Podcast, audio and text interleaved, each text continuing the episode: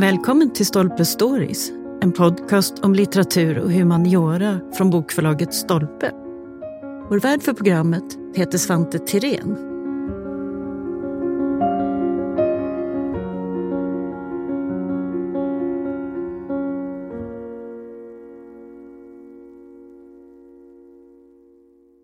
Pengarnas och ekonomins historia, det är för många ett ganska så okänt ämne. Samtidigt är det ju precis det som har byggt upp nästan hela den värld som finns omkring oss. Så hur gör man då för att få den här historien till någonting som är begripligt, någonting som går att ta på? Går det ens? En som har gjort ett försök, det är Kjell A Nordström, som har skrivit en ny bok där vi med apans hjälp får syn på en berättelse som i slutändan handlar om oss själva. Varmt välkommen hit Kjell! Tack! Kjell, du är ekonomidoktor, du är författare, du är föreläsare och man kan väl säga någon slags folkbildare. Hur skulle du själv beskriva din roll? För du är ju en av dem som är berättare om allt det här stora. Ja, folkbildning är nog det jag kanske är mest stolt över att jag gör och har gjort över åren. Och gjort det i många delar av världen, inte bara här hemma i Sverige utan har varit med både i Kina och före detta Sovjetunionen-länderna som blev över 20 till antalet och försöka snabbt, och så snabbt som möjligt, lära människor lite om en marknadsekonomi, hur den fungerar och vilka sidoeffekter den har. Så över de här åren har jag fått pröva mina vingar i många olika sammanhang. På unga, på gamla, på före detta planekonomer och annat. Du har lång träning i det här kan man säga. Mycket lång träning. Och den nya boken den heter alltså Apan och kapitalet, en ekonomisk historia. Och Kjell, är det så enkelt? Vi är apor som vill byta saker med varandra och vi vill ligga. Är det så enkelt? Ja, boken börjar ju så. Vi är en apa som eh, vill ligga, precis som de andra aporna. Att vi vill ligga får väl anses vara forskat och klart, så att säga. Det, det kan vi konstatera. Det kan vi konstatera. Ja. Och att vi till och med inte bara vill, utan vi bör. Det finns ett bör i detta också, för det har ju att göra med vår fortlevnad och så. Det andra som är, och det brukar man kalla för ett axiom, när någonting så att säga är klarlagt till den grad att vi behöver inte lägga mer tid på det, så brukar man ibland använda begreppet axiom. Det är givet. Det är färdigkonstaterat. Det, är det behöver vi inte diskutera. Ingen ytterligare forskning behövs. Nej. Axiom. Två plus två är fyra. Axiom. Ett annat axiom som blev uppenbart för oss människor ganska tidigt är att världen ser ut som den gör. På vissa ställen är det öknar, på andra är det vatten, eh, berg. Den ser inte likadan ut. Och eftersom den inte ser likadan ut så är resurser ojämnt fördelade i världen. Och de kan vara ojämnt fördelade inom ett eh, ganska begränsat område så kan det vara dramatiska skillnader. Där är en flod och där är ett berg. Och förutsättningarna för att leva där blir då naturligtvis väldigt olika. Det där axiomet stöter vi på tidigt i tillvaron och får förhålla oss till. Olikhet är en grundläggande existens helt enkelt. Dess, dessutom är vi själva lite olika. Ja. Hur som haver så ger det där upphov till någonting som är punkt två i det här resonemanget. Saker är inte jämnt fördelade. Förmågor, eftersom vi nu var lite olika inuti, inte jämnt fördelade. Naturens gåvor, inte jämnt fördelade. Och eftersom de inte är jämnt fördelade så kommer vi att vilja så att säga jämna ut det där på något sätt. Det kommer att finnas en sån strävan. Därför den som bor på en plats där det bara finns det ena kommer att vara lite intresserad av att komma över det andra. Vår värld ser ut på det sättet. Och så kommer vi till denna världen, vi, den varelse, den humanoid. Man har ju grävt ut en, en flicka i nuvarande Kenya, i Rift Valley, som heter Lucy. En liten tjej, hon är väldigt liten. Och hon är det här intressanta mellantillståndet mellan någonting som är apa apa och människa och i ett, en övergång där som vi fortfarande håller på att lära oss väldigt mycket om. Mittemellan människa och djur på något ja, sätt? Ja, det är vad hon är. Och Lucy och hennes kompisar finns där i nuvarande Kenya och lever med de här förutsättningarna att saker och ting inte är jämnt fördelade. Och någon av Lucy och hennes kompisar, antingen före Lucy eller efter Lucy, upptäcker att ja men, ja men alltså man skulle ju kunna tänka sig att jag byter det jag har med dig och du har något annat. Och då gör man den här magiska upptäckten att shit, det blev bättre. Mm. Inte bara för mig, utan för dig också. Båda fick det bättre. Vilket är, jag är, tycker inte man ska överanvända begreppet magi, men det här finns ett litet, litet magiskt inslag i det. Där börjar ju en mänsklig historia kan man säga. Det, det börjar verkligen, Ja. och en ny historia. En, en, någonting som kommer också sen att växa till sig, bli gigantiskt, bli ett enormt maskineri och idag prägla i stort sett allting vi gör. För den moderna ekonomin har sina rötter, naturligtvis, i den här lilla, lilla, lilla insikten som de här två humanoiderna, Lucy och hennes kompisar, någon gång upptäcker. Men var det så här du hittade till apan? För jag tänker att de allra flesta associerar ekonomi och pengar till kostymer, någonting seriöst. Ja. Här kommer du med en apa mitt i allt. Hur, hur, hur kom du på det här? Jag ville ta bort ganska mycket av det, låt oss kalla det utan påverk, som har lagts på någonting som är ganska grundläggande, nämligen de här transaktionerna som ligger till grund för det moderna ekonomiska systemet som kan te sig så oändligt komplext och är komplext till del. Men under den här komplexiteten finns några grundläggande principer som är fullt möjliga att begripa och som vi har skalat upp i vissa fall. Texten, berättelsen, Apan och kapitalet är ett försök att berätta om hur vi försöker bygga ett bra liv, strävar på. För det första försöker vi överleva, det är första steget. Och när vi har klarat av att överleva så försöker vi få det lite, lite bra också. Dessutom. Dessutom. Och hur vi då skaffar oss ett antal redskap för att försöka få det lite bättre. Och ett av redskapen är den här transaktionella eh, historien som vi pratade om, att byta grejer. Sen upptäcker vi att man kan hitta på ett medel som gör det sjukt enkelt att byta, nämligen pengar.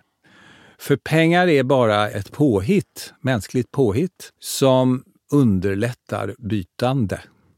Pengarna i sig är ju ständigt på väg. De är ju en process så att säga och ju, kan ju användas till väldigt lite. Ja, på ett sätt finns de ju inte. De finns så länge så du och jag tror att de finns. Ja. Det är ju det som är det lustiga. Och det är det som gör att vi idag har fått stifta bekantskap med bitcoin, ethereum, valutor som ingen hade hört talas om för eh, 20 år sedan. Beroende på att de inte fanns. Beroende på att det här är nya påhitt, överenskommelser. Och det här är ju en historia som knyter ihop både väldigt grundläggande mänskliga erfarenheter, drifter och så vidare, men som också sammanfattar egentligen hela vår, vår världshistoria. Det är stora grepp du tar här i boken. Och jag tänkte på att skriva om så här historiska skeden samtidigt som det pågår då en pandemi, ett Ukraina alltså världshistoria skrivs samtidigt som du själv sitter och skriver om den. Hur var det? Det var starkt. Den 24 februari 2022 på kvällen sitter jag och skriver. Det larmas på tvn om att nu är det truppsammandragningar vid gränsen och på morgonen så förstår jag att nu har det hänt som jag och många andra tänkte att det är ju totalt orimligt. Att vi ska ha ett stort krig med stridsvagnar och granatkastare och sandsäckar och ärtsoppa och skit mitt i Europa. Det spelade naturligtvis jättestor roll för skrivandet. Av det enkla skälet också att jag höll då på att skriva om det som kallas för globalisering eller har kommit att kallas för globalisering.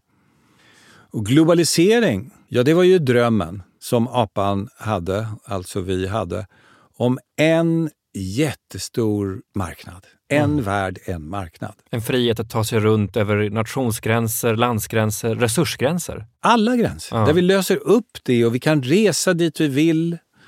Vi kan handla med dem vi vill. Varor kan skickas kors och tvärs fram och tillbaka. Det blir färre och större valutor. Kanske ytterst blir det bara en eller två eller tre. Vi kan köpa slangkopplingar till den där maskinen från Indonesien, för de gör dem bäst. Den där stora fina marknadsplatsen.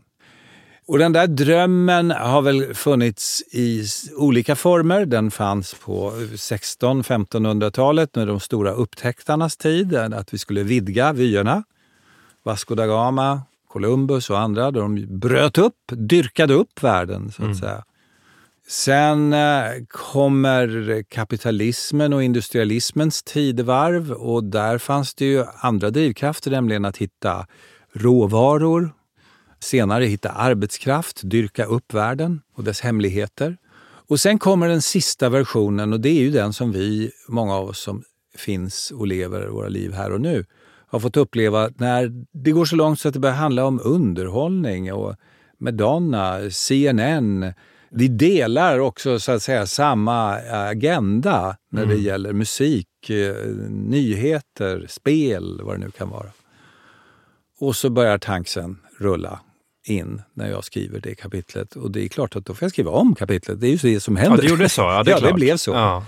Kapitlet fick skrivas om och slutsatsen blev en annan, nämligen att det är nog slut tills vidare med globaliseringen. Drömmen om den där öppna, härliga lekplatsen där vi människor och resurser och pengar rör oss relativt fritt, den är nog satt på paus. Den har kulminerat eller på något sätt nått en... I sin eh, nuvarande mm. form. Vi kommer att komma tillbaka, det mm. är vår natur. Vi kommer att vara där igen och försöka dyrka upp världen. Mm. Men om det nu tar 10 år, 15 år eller 25 år innan vi är där, det vet vi inte. Men just nu står det absolut på paus. Mm.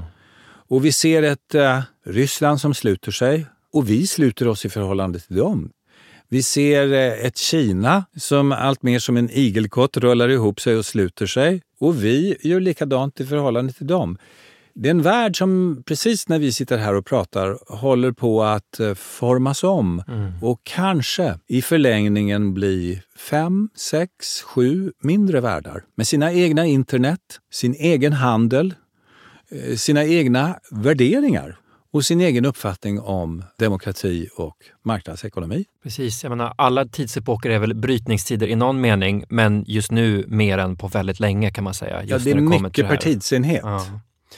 Jag tänker på, det är ju jättemånga spännande historiska exempel du tar upp i boken. Och en annan parallell är ju det här med bankväsendet i Sverige och ja. 1600-talet som ju också är en krigs och kris, kristid. Å ena sidan är vi en stormakt som vill ut i världen och så vidare. Å andra sidan är det fruktansvärda förluster, fruktansvärd situation hemma också med alla män som dör i krig och alltihopa. Vad kan man lära av en sån sak som bankväsendets historia i Sverige och den här Johan Palmstrock som du skriver om? ja, man kan lära sig saker av bankväsendet i allmänhet först. Ska vi sen gå till Sverige. Nämligen att det är ganska sent i vår historia som det överhuvudtaget blir relevant och intressant att ägna sig åt att låna pengar eller att än mera att någon skulle vara villig att låna ut pengar. Eh, vi går tillbaka till ett, en värld som är 1400-tal, 1500-tal ingen renässans, ingen vetenskap, ingenting. Däremot så finns det några få texter som förekommer och de fastslår ju helt enkelt hur det är.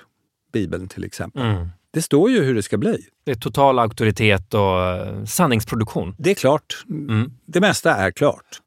Och Det fina med det är att då finns det ju egentligen ingen, an det finns ju ingen tro på någon morgondag där det står ingenting om det, att det ska bli bättre sen här på jorden i de här texterna. Det ska bli bättre sen kanske i himlen, men inte här. Tänk på det en stund och så kan man snabbt förstå att ja, men om det ska bli sämre imorgon än vad det är idag, eller samma som det är idag, då finns det ju ingen anledning att investera och bygga för framtiden. Det är ju meningslöst. Och det var precis så människorna levde. Så de rikingar som fanns då smällde ofta av pengarna genom att köpa roliga kostymer, ha fest och bygga ett eh, slott. Det fanns ingen anledning att investera något för framtiden eftersom framtiden möjligen inte finns. Det var abstrakt. Och totalt abstrakt mm. och i någon mån sämre än vad det är nu. Och då är det ju lika bra att smälla av pengarna nu då på en gång. Det är ju först när tvivlet föds och kommer är det där som står i de där böckerna verkligen hela sanningen?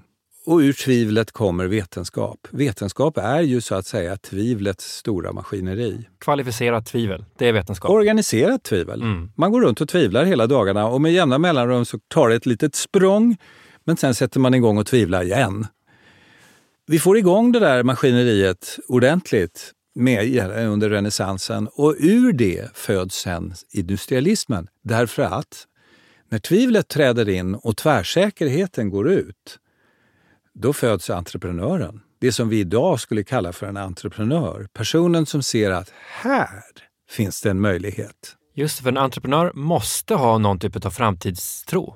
En entreprenör är en person som i, om vi katapulterar den tillbaka till 1400-1500-talet, är mycket tvivelaktig. Den skulle ju vara det där och då, för den säger ju att jag ser en värld som håller på att... Och de andra kommer att säga lugna ner dig nu. Vi tror att eventuellt får vi låsa in dig. Ja, det är för visionärt. Ja, det är, du är alldeles för långt utanför ramen. Men när nu det här fina renässanssystemet hade fått upp farten lite och vi hade börjat dyrka upp naturens hemligheter och kroppens hemligheter och gradvis börjar vi förstå mer och mer. Då blir det ju entreprenörens tidevarv, nämligen att se att det här kan jag ju göra firma av. Nu kommer entreprenören igång. Och det är väl det som händer i Sverige på 1600-talet också. Utländska eh, köpmän, industrialister kommer hit, de ser järnet, de ser resurser. Det startas en modern ekonomi helt plötsligt i Sverige på Ja. 1600-talet. Ja, och de ser inte bara eh, natur som kommer att fortsätta i evighet och myror och humlor, utan de ser en råvara som kan raffineras, som kan bli koppar, stål, vad det nu blir, som i förlängningen kan bli ett bruksföremål, som i förlängningen kan säljas, som i förlängningen kan... De ser någonting annat. Precis som eh, när eh, Cadier, den franska eh, mannen, kommer till Stockholm och går i hamnkvarteren och ser att här ska det ligga ett hotell. Det som Just sen det. ska bli Grand Hotel. Vi hade hotellen uppe i stan. Vi tyckte inte det var så fint nere vid vattnet. Det var ju hamnbusar och båtar. Och... Men eh, han ser något annat. Han ser att här, det är här det ska ligga. Det är här man kan göra affärer. Och så är det kanske för Sverige, så som med många andra platser, det behövs ett utanför-perspektiv för att få igång det här. Är det Ofta så? är entreprenörer en slags, de som startar företag som idag har kallats för entreprenörer. Det är lite nyspråk över det där, men vi kallar dem för det nu för samtalet. Är lite, det är ett utanförskap i sig. Att vara Ingvar Kamprad och se att en miljon lägenheter, miljonprogram, säger de. Men vem ska möblera det då? Då blir det ju en miljon tomma lägenheter och de kan inte köpa dyra italienska möbler som kostar hur mycket pengar som helst. Då ska jag göra pinnstol, tv-soffa. Där föds en idé. För någon har ju sagt en miljon lägenheter, det var ju ett politiskt beslutat projekt. Men den lite entreprenöriellt lagde förstår jag en miljon lägenheter. Herregud vad många dörrmattor jag skulle kunna sälja. Och det här är egentligen någonting som startar när renässansen kommer, som sår tvivel, som berättar att allt är inte klart. Det kan bli lite si och det kan bli lite så. Och blir det si, då behövs det dörrmattor. Mm. Så det är inlevelse också i framtiden, det här med att man känner in verkligen vad som händer. Man har fingret ute i luften. Ja, det kan man säga. En slags förmåga att visualisera det som ännu inte finns. Och man kan dramatisera det ännu lite mer. Det som entreprenörer ofta gör, de som skapar företag, det är att ur ingenting skapa någonting. De ser någonting där vi ser ingenting. Och det är det lustiga att eh, entreprenörens förmåga att just visualisera och se att ur detta som de många uppfattar som ingenting eller värdelöst kan man göra någonting. Jag kan hur många sådana här exempel som helst. Det finns holländare som eh, ur skräp, flagor och skräp börjar göra spånplatta av tobak.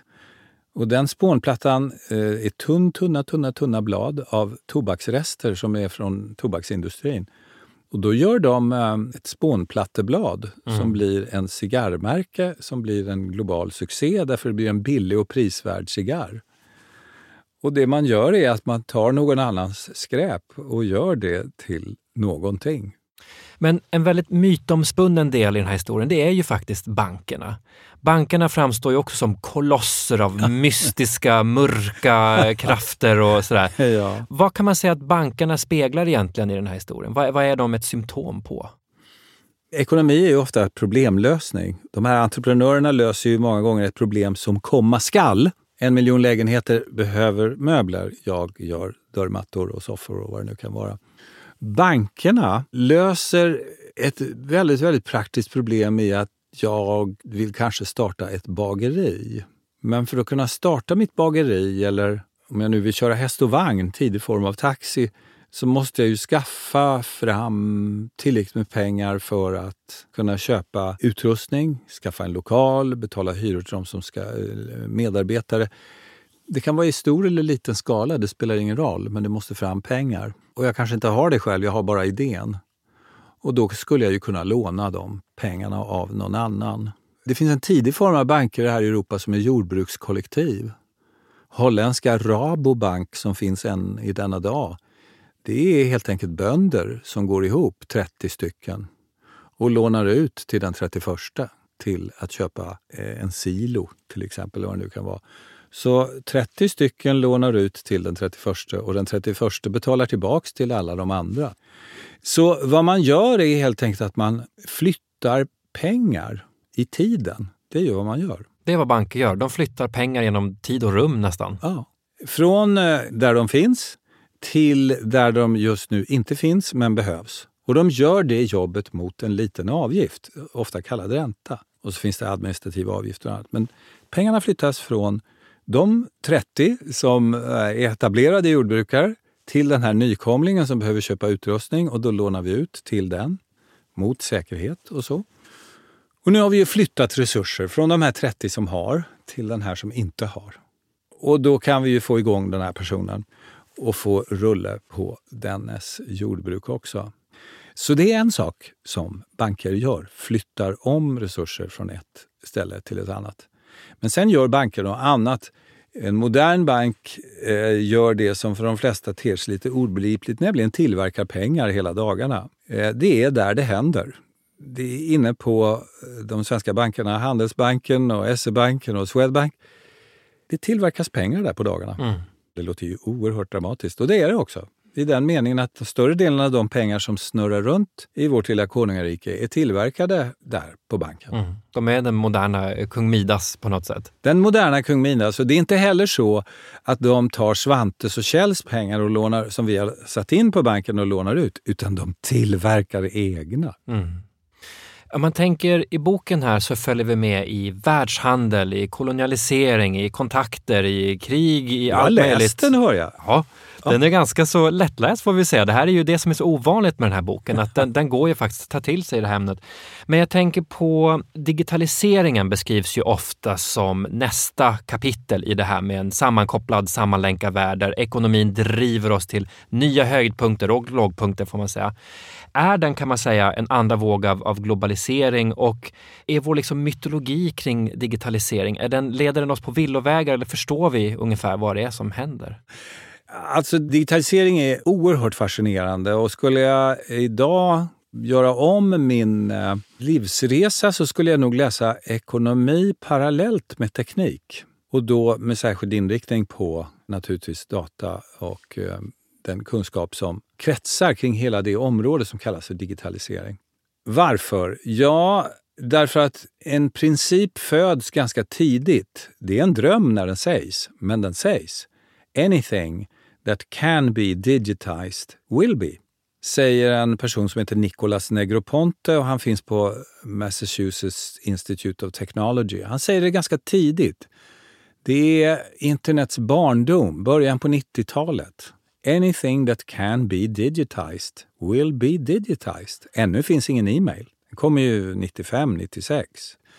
Jag skulle säga att idag när du och jag sitter här och tittar på varandra med lurar och mikrofoner i en studio det håller på att bli ett axiom. Ja. Anything that can be digitized will be. Röntgenplåtar är digitala. Ungarnas läxor kommer i mobilen. Kunskap kommer via skärmen. Och sen kommer allt det andra. Anything that can be will be. Det är på god väg nu. Samtidigt är då digitaliseringen inte tillräckligt stark, om man uttrycker det så, för att kunna motstå att det då blir slutna världar ändå, att det kommer Rysslandskrig, att det kommer slutenhet på ett nytt sätt, eller? Det intressanta är ju att det kommer två tankar samtidigt och de kommer att påverka ekonomin båda två. Det ena är en person som i början på 90-talet hyllar globalisering, hyllar det faktum att världen öppnar sig och Sovjetunionen har fallit och som skriver en bok med kanske den mest ambitiösa titel jag känner till. End of History and the Last Man. Författaren heter Francis Fukuyama End of History är berättelsen om den där lekplatsen som håller på att byggas, där gränser faller, diktaturer sopas bort, marknadsekonomi och liberala värderingar erövrar världen och de kommer att falla en efter en. För de dessutom är de som dominobrickor, de här galningarna. De lutar ju sig på varann i, Iran, Irak, eh, Ryssland och vad det nu kan vara. Han skildrar där i sin text. Det är ju en bild av världen. Men strax därefter ska det komma en annan bild av världen. Det är en annan professor och han heter Huntington. Och Huntington säger, tar vi bort gränser, börjar vi öppna världen på det där sättet och klä av oss så att säga, de kulturella eh, kläderna i form av gränser och annat, då kommer vi att möta sex, sju olika världsreligioner och värderingssystem som kommer att krascha mot varandra. Clash of civilization heter också hans text. Mm. Det är den andra bilden av världen, det vill säga öppnar vi världen, dyrkar vi upp den med hjälp av digitalisering, resor, delad kunskap, då smäller det. Då blir det massa chocker och kulturkrig och, och verkliga krig. Och i förlängningen dessvärre också verkliga mm. krig. Samuel Huntington, som författaren hette, av Clash of Civilization, fick förfärligt mycket skäll av många där och då när han lanserade sina idéer. Om Samuel hade varit med oss idag här så skulle vi nog kunna ha ett litet utbyte om att det kanske är en del sånt vi ser. Mm, han fick rätten då i...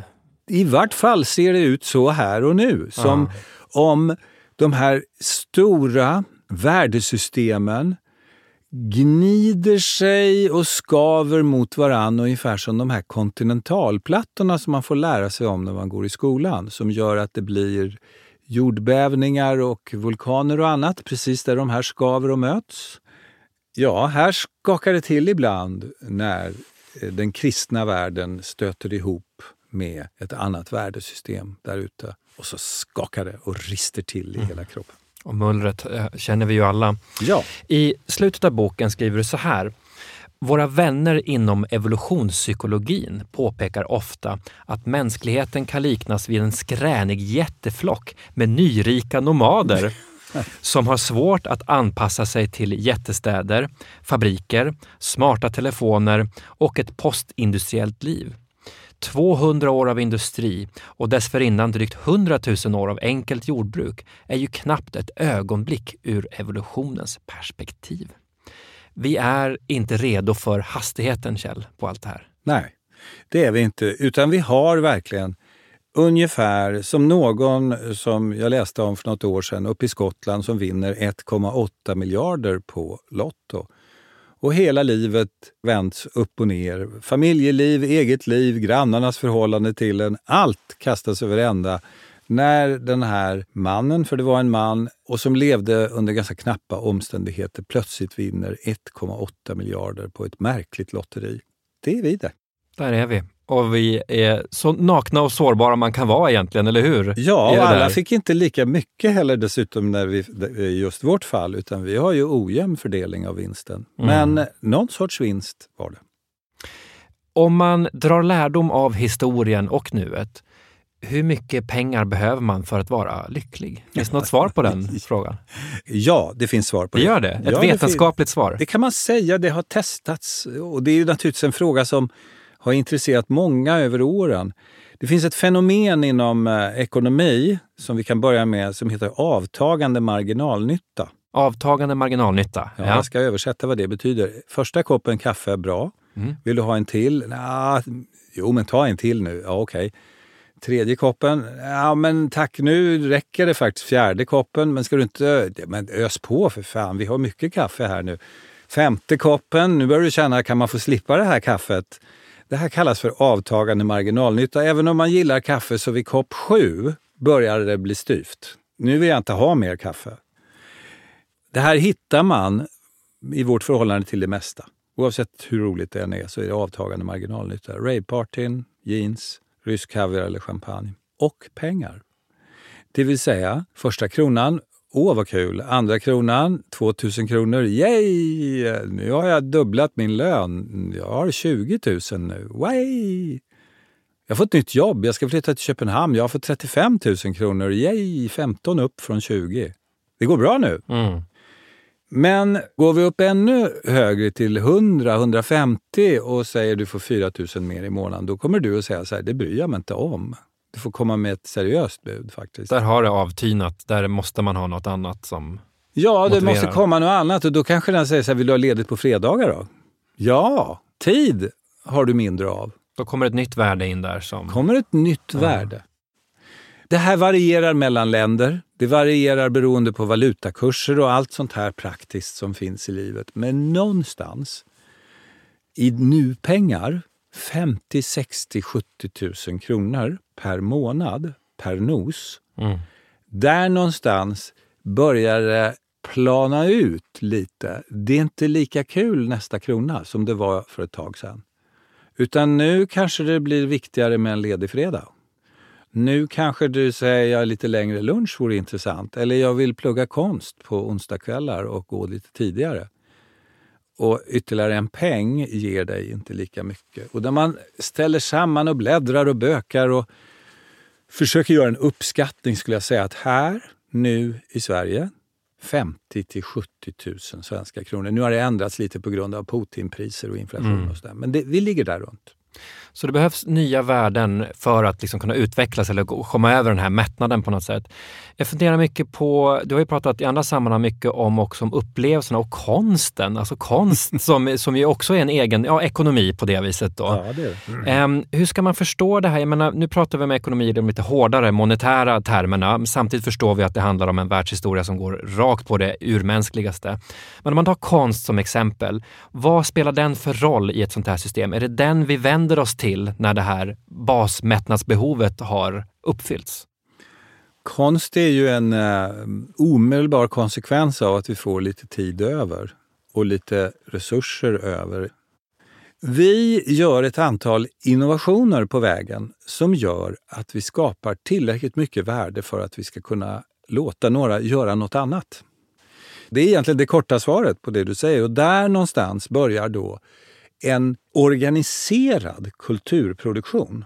Allt vi människor gör är ju kultur, så att säga. det är ju vad vi människor gör. Men det här är ju en helt organiserad kulturproduktion då vi, det är det som är själva syftet. Att undersöka tillvaron. Så ur apans perspektiv så är konsten egentligen frihet från att vara fast i den där äh, allra mest rudimentära livscykeln. Absolut. Mm. Där vi kan sätta några apor fria och få reflektera över vad det är vi gör. Det är roligt med den här apan därför att hon lämnar ju efter sig små figurer, figuriner, små skulpturer. Lämnar efter sig saker på grottväggar och sådär där hon drar fram. Så det är ju uppenbart att apan vill och kan uttrycka sig tidigt. Men det är lite senare som vi kan sätta några fria från det dagliga arbetet för att verkligen kunna ägna sig åt det. Nu skulle många konstnärer idag säga att de är inte så fria för de lever under knappa omständigheter även idag. Men det är en annan diskussion. Men det finns helt enkelt till, kan man säga, eller det fältet finns ju helt klart som en del i att det här är en, en, en ingrediens som behövs för att det här ska utvecklas, för att det här ska finnas som en del i hur, var vi tar oss någonstans som människor. Ja, reflektera över det vi gör och inte bara göra. Men alla de här nu som är arga på banker och ekonomer och känner en enorm misstro och alltihopa. Kan du förstå dem? Och jag menar, alltså, hur ska man göra för att hitta en balans här? Att det, är, att det är komplext, att det här är en totalsammanfattning av mänsklighetens både fasansfulla och fantastiska sidor. Jag kan förstå dem. Och skälet till detta är att jag fick lära mig av mina kollegor på Karolinska att den mänskliga hjärnan har ett, en egenskap som är mycket lustig och kraftfull. Vi kan inte tänka ingenting. Void heter det på engelska, tomhet. Och eftersom vi inte kan tänka void, så vad som då händer är att vår hjärna fyller upp void med påhitt. Det vill säga, när vi inte kommer ihåg, när vi inte riktigt förstår, när vi inte riktigt kan förhålla oss, då hittar vi på. Och det är då Tora Wall, som har skrivit mycket om tomtar och troll och torra skinn, när vi talar om sjögubben och när vi uppfinner sjögubben, vad är det? Ja, det är en gubbe som bor i sjön som tar människor och man ska inte låta barnen gå för nära havet för då kan de ta med barnen. Och vi uppfinner en sjögubbe. Vi måste göra det begripligt helt enkelt. Det är så. Vi måste göra det begripligt och vi uppfinner en gud. Om det inte finns någon annan förklaring så får vi hem... Det finns ju en gud. Mm. Men det är till grundläggande behov här, eller hur? Apan behöver en berättelse om allting. Apan måste ha Den vill ha en det. förklaring. Och om den inte du ger mig den, då hittar jag på själv faktiskt. Då och då kan, det bli, då kan det fara iväg hur långt som helst. Det här kan lätt hända när vi inte förstår, om vi inte får korrekt information. Det finansiella systemet idag är komplext, det är stort, det är världsomspännande. Och om ingen kommer med en korrekt och begriplig berättelse, ja då är det lätt hänt att vi lite till mans börjar fundera över vad det där är. Och då kan det bli sjöbubbar och det kan bli pedofilringar och det kan bli konspirationer. Det far iväg. Mm. Och det beror inte på någonting annat än att vi har en ganska lekfull hjärna som fyller i void, tomhet. Mm. Och det är ju fantastiskt på många sätt att vi har den egenskapen, men ibland blir det en sidoeffekt. Och det är väl en viktig egenskap att veta om att vi har. Ja, För det är väl det som är svårt igen, att det är så nära oss att vi, vi ser det knappt. det finns ju det här engelska uttrycket att det är svårt att se under näsan, ens egen nästipp. Mm. Just där är det en blind spot. Och det här är nog en av de här spotsen där det ibland är svårt, mycket svårt att se sig själv. När är det jag har hittat på? Alla här, kan väl komma ihåg när vi har rest tillsammans, varit tre eller fyra personer som har varit med på en resa och så ska vi berätta om det där under en middag. Att det plötsligt efter några år börjar bli tre olika berättelser. Men det var samma sak vi var med om. För det är det här som händer mycket när man läser boken. Jag, menar, jag tillhör definitivt de som är, jag, jag är en sån här ja, men humanistnörd säger vi. Så min självbild är ju att nej, men jag, okay, jag förstår, jag läser om ekonomi men jag förstår det inte. Det här är ett område som övergår min intelligensförmåga nästan. I den här boken får vi en apa. Vi får förklaringsmodeller, vi får ingångar i det här. Och det här är en ovanlig bok på det sättet. Det finns väl egentligen ganska få tillgängliga plattformar, sammanhang där man pratar ekonomi på det här sättet. Eller? Jag har aldrig sett någon sån här bok och det är därför som den kom till. Som alltid av en tillfällighet. Men jag hade aldrig sett någon bok som kunde snabbt stoppas i handen på någon som inte har läst ekonomi. Och till och med eventuellt tycker ekonomi är tråkigt. Mm. Och farligt, och kontroversiellt. farligt och, och bara ta bort det. Att snabbt ge den, stoppa den, men titta på det här. Det är inte så farligt. Hur hoppas du att vi ska prata om pengar och ekonomi i framtiden jämfört med nu? Som någonting som är nödvändigt men inte tillräckligt för att göra ett bra liv. Okej, så en bas men inte ett mål i sig självt. Är någonting som behövs, ett redskap, en, en mekanism eller vad vi nu skulle vilja kalla det. Någonting som är helt nödvändigt för Mm. att bygga ett bra liv. Men absolut inte tillräckligt. Det är bra ord att ta med sig härifrån. Tack så hemskt mycket för att du kom hit Kjell. Tack.